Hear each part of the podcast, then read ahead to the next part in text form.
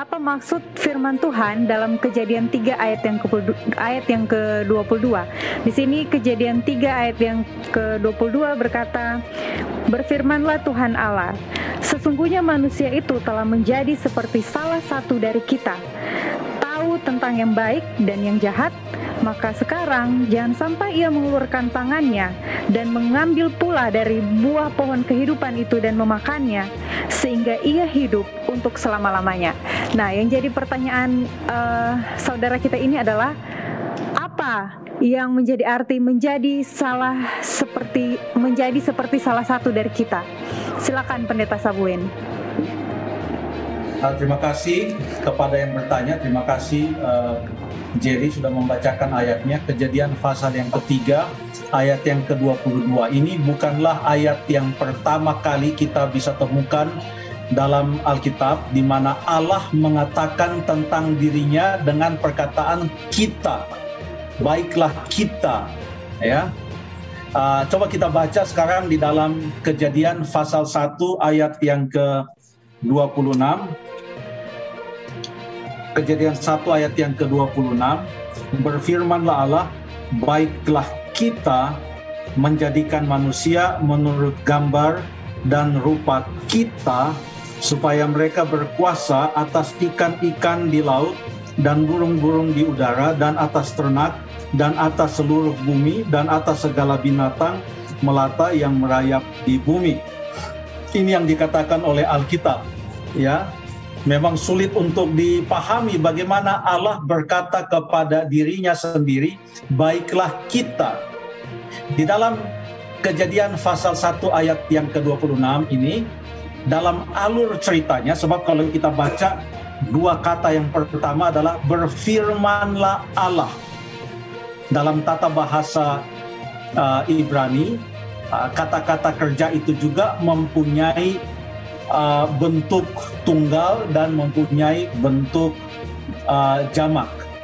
Kalau kita dalam uh, bahasa Indonesia uh, kata kerja itu kalau hanya tampil begitu saja tidak dengan sendirinya menyatakan apakah itu dalam bentuk tunggal atau bentuk jamak. Contohnya, kalau saya katakan saya membaca, Ya, kata membaca adalah kata kerjanya.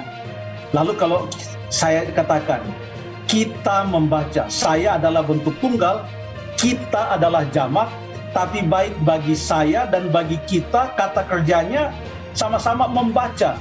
Tidak ada perbedaan penulisan, hanya membaca di sana. Tapi di dalam uh, kedua bahasa uh, asli Alkitab yaitu bahasa Ibrani maupun bahasa Yunani dan ada sepenggal bagian perjanjian lama juga yang dituliskan dalam bahasa um, Aram atau Aramaik uh, ada bentuk kata kerja tunggal, ada bentuk kata kerja untuk jamak.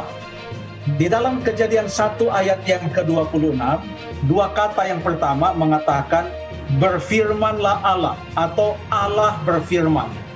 Kata Allah di sini adalah kata Elohim. Kata Elohim ini adalah bentuk jamak dari kata El atau Eloah. Jadi walaupun kata Allah di sini dalam bentuk jamak, tetapi kata berfirman, kata kerjanya berfirman adalah dalam bentuk tunggal jadi seakan mengatakan Allah kata dalam bentuk jamak mengapa bisa menggunakan kata kerja dalam bentuk tunggal? Seharusnya harus uh, sejajar kalau dia punya subjek adalah bentuk jamak, maka kata kerjanya juga haruslah uh, bentuk jamak. Namun setelah titik dua dalam bahasa Indonesia ya, Uh, berfirmanlah Allah titik dua lalu tanda kutip yang menggambarkan kata-kata berikut ini adalah perkataan langsung dari Allah.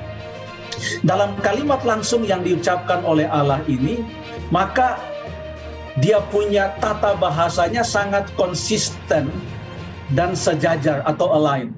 Uh, dengan kata lain, dia punya subjek di sini mengatakan, ya, baiklah kita ya tentu kita adalah jamak Lalu kemudian kata menjadikan. Kata menjadikan ini dalam bahasa Ibrani-nya ditulis bukan dalam bentuk tunggal, tapi dalam bentuk jamak. Demikian juga kata ganti dalam uh, mengatakan menurut gambar dan rupa kita itu adalah kata ganti orang. Juga dalam bentuk jamak ya inilah yang Alkitab katakan. Boleh kita sebutkan ini kompleks. Tapi kompleksitas ini menggambarkan bahwa Allah adalah Esa. Mengapa Esa? Oleh sebab walaupun Elohim dalam bentuk jamak, tapi kata kerja berfirman tadi dalam bentuk tunggal. Allah itu Esa, namun walaupun Allah itu Esa, tetapi ada unsur jamak. Dalam kejadian pasal 1 ada petunjuk bahwa ternyata selain Allah, Elohim, di sana ada juga dalam kejadian satu ayat yang kedua, roh Allah atau ruah Elohim yang juga melayang-layang di atas air. Jadi ada Allah dan juga ada roh Allah. Ini dalam penciptaan. Kalau kita pinjam dari Yohanes 1 ayat yang ketiga, Yohanes 1 ayat yang ketiga, kita baca saja ya. Kita masih ada waktu membaca Yohanes 1 ayat yang ketiga mengatakan segala sesuatu dijadikan oleh dia. Siapa dia di sini? Oleh firman itu. Firman yang adalah Allah, ya. Segala sesuatu dijadikan oleh dia dan tanpa dia tidak ada suatu pun yang telah jadi dari segala yang telah dijadikan. Dengan kata lain firman itu juga menciptakan dunia ini. Jadi ada Allah, ada firman, ada juga roh yang terlibat aktif di dalam penciptaan. Jadi tidak heran kalau dituliskan Elohim lalu kemudian kata kerjanya berfirman dalam bentuk tunggal lalu dalam kalimat-kalimat langsung. Jadi ada perpaduan antara tunggal dan jamak di dalam kejadian satu ayat yang ke-26 ini yang saya mau gambarkan. Dengan pemahaman seperti itu, maka di dalam kejadian pasal yang ketiga ayat yang ke-22, kita boleh mengerti mengapa sampai ayat ini mengatakan kata eh, kata kita kata kita. Apa arti daripada ayat ini? Sebab tadi pertanyaan dari saudari kita bahwa apa yang dimaksudkan dengan mereka telah menjadi seperti salah satu dari kita, menjadi seperti salah satu dari kita. Ide ini datangnya dari mana?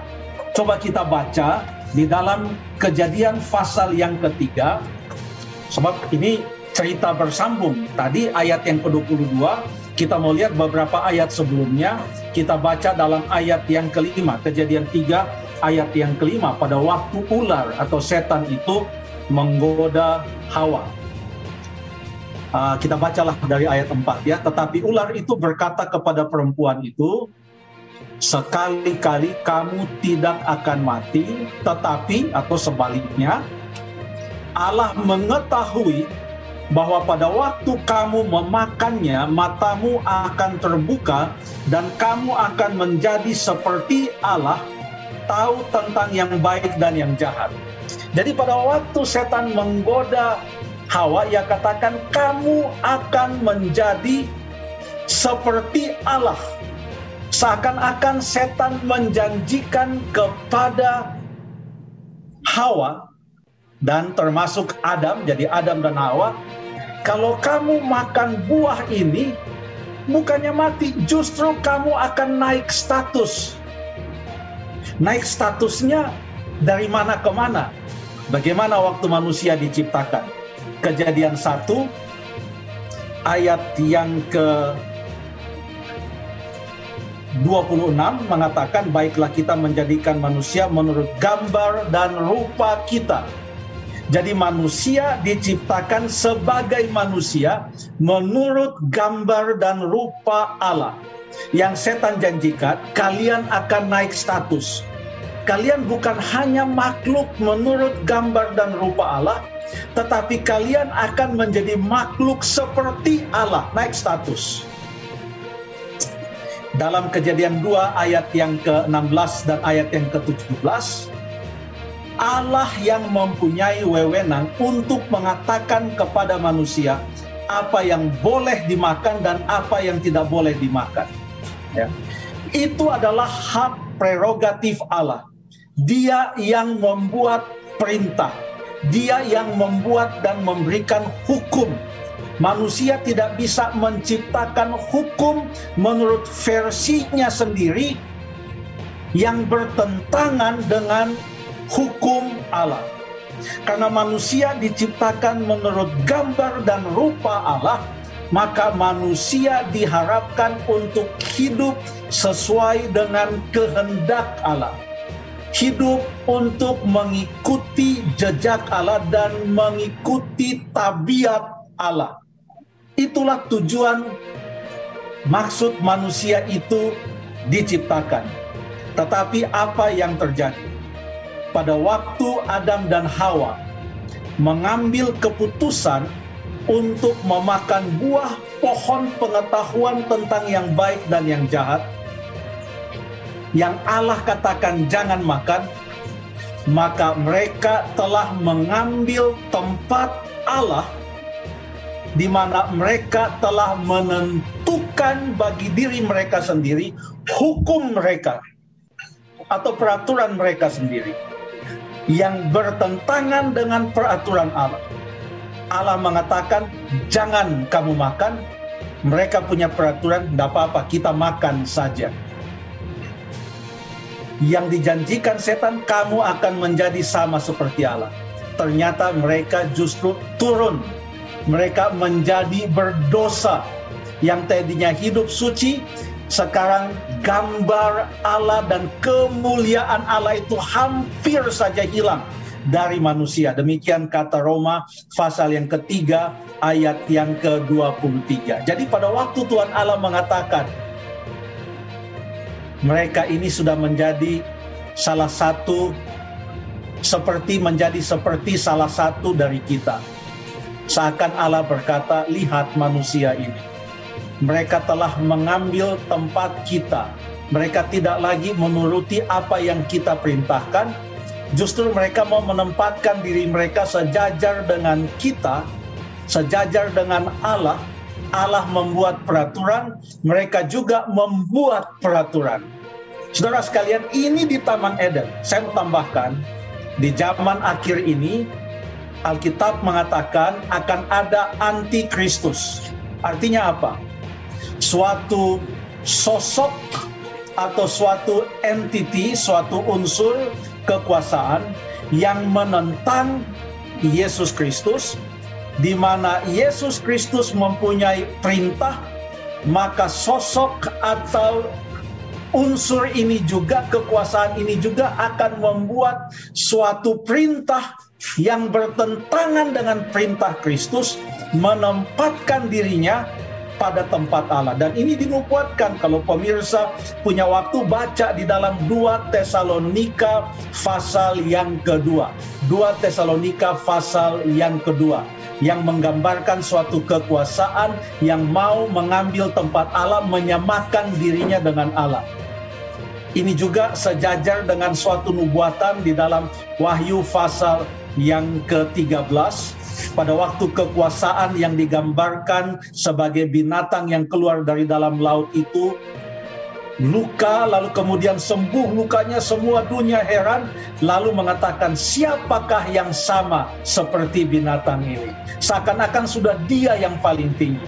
Padahal Yesus yang digambarkan sebagai Mikael di dalam Wahyu pasal yang ke-12 ayat yang ke-7 sampai ayat yang ke-9 Yesus artinya siapakah yang sama seperti Allah? Ya.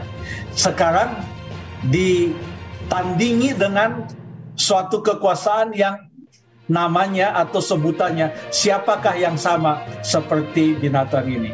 Jadi fenomena yang terjadi di Taman Eden ini juga yang akan terjadi di zaman akhir di mana ada kekuasaan yang akan menyamakan dirinya dengan Allah dengan cara membuat perintah yang bertentangan dengan perintah Allah. Jadi kejadian pasal yang ketiga ayat yang ke-22 tadi menjadi seperti salah satu dari kita artinya mereka sudah mengambil tempat kita membuat peraturan sendiri.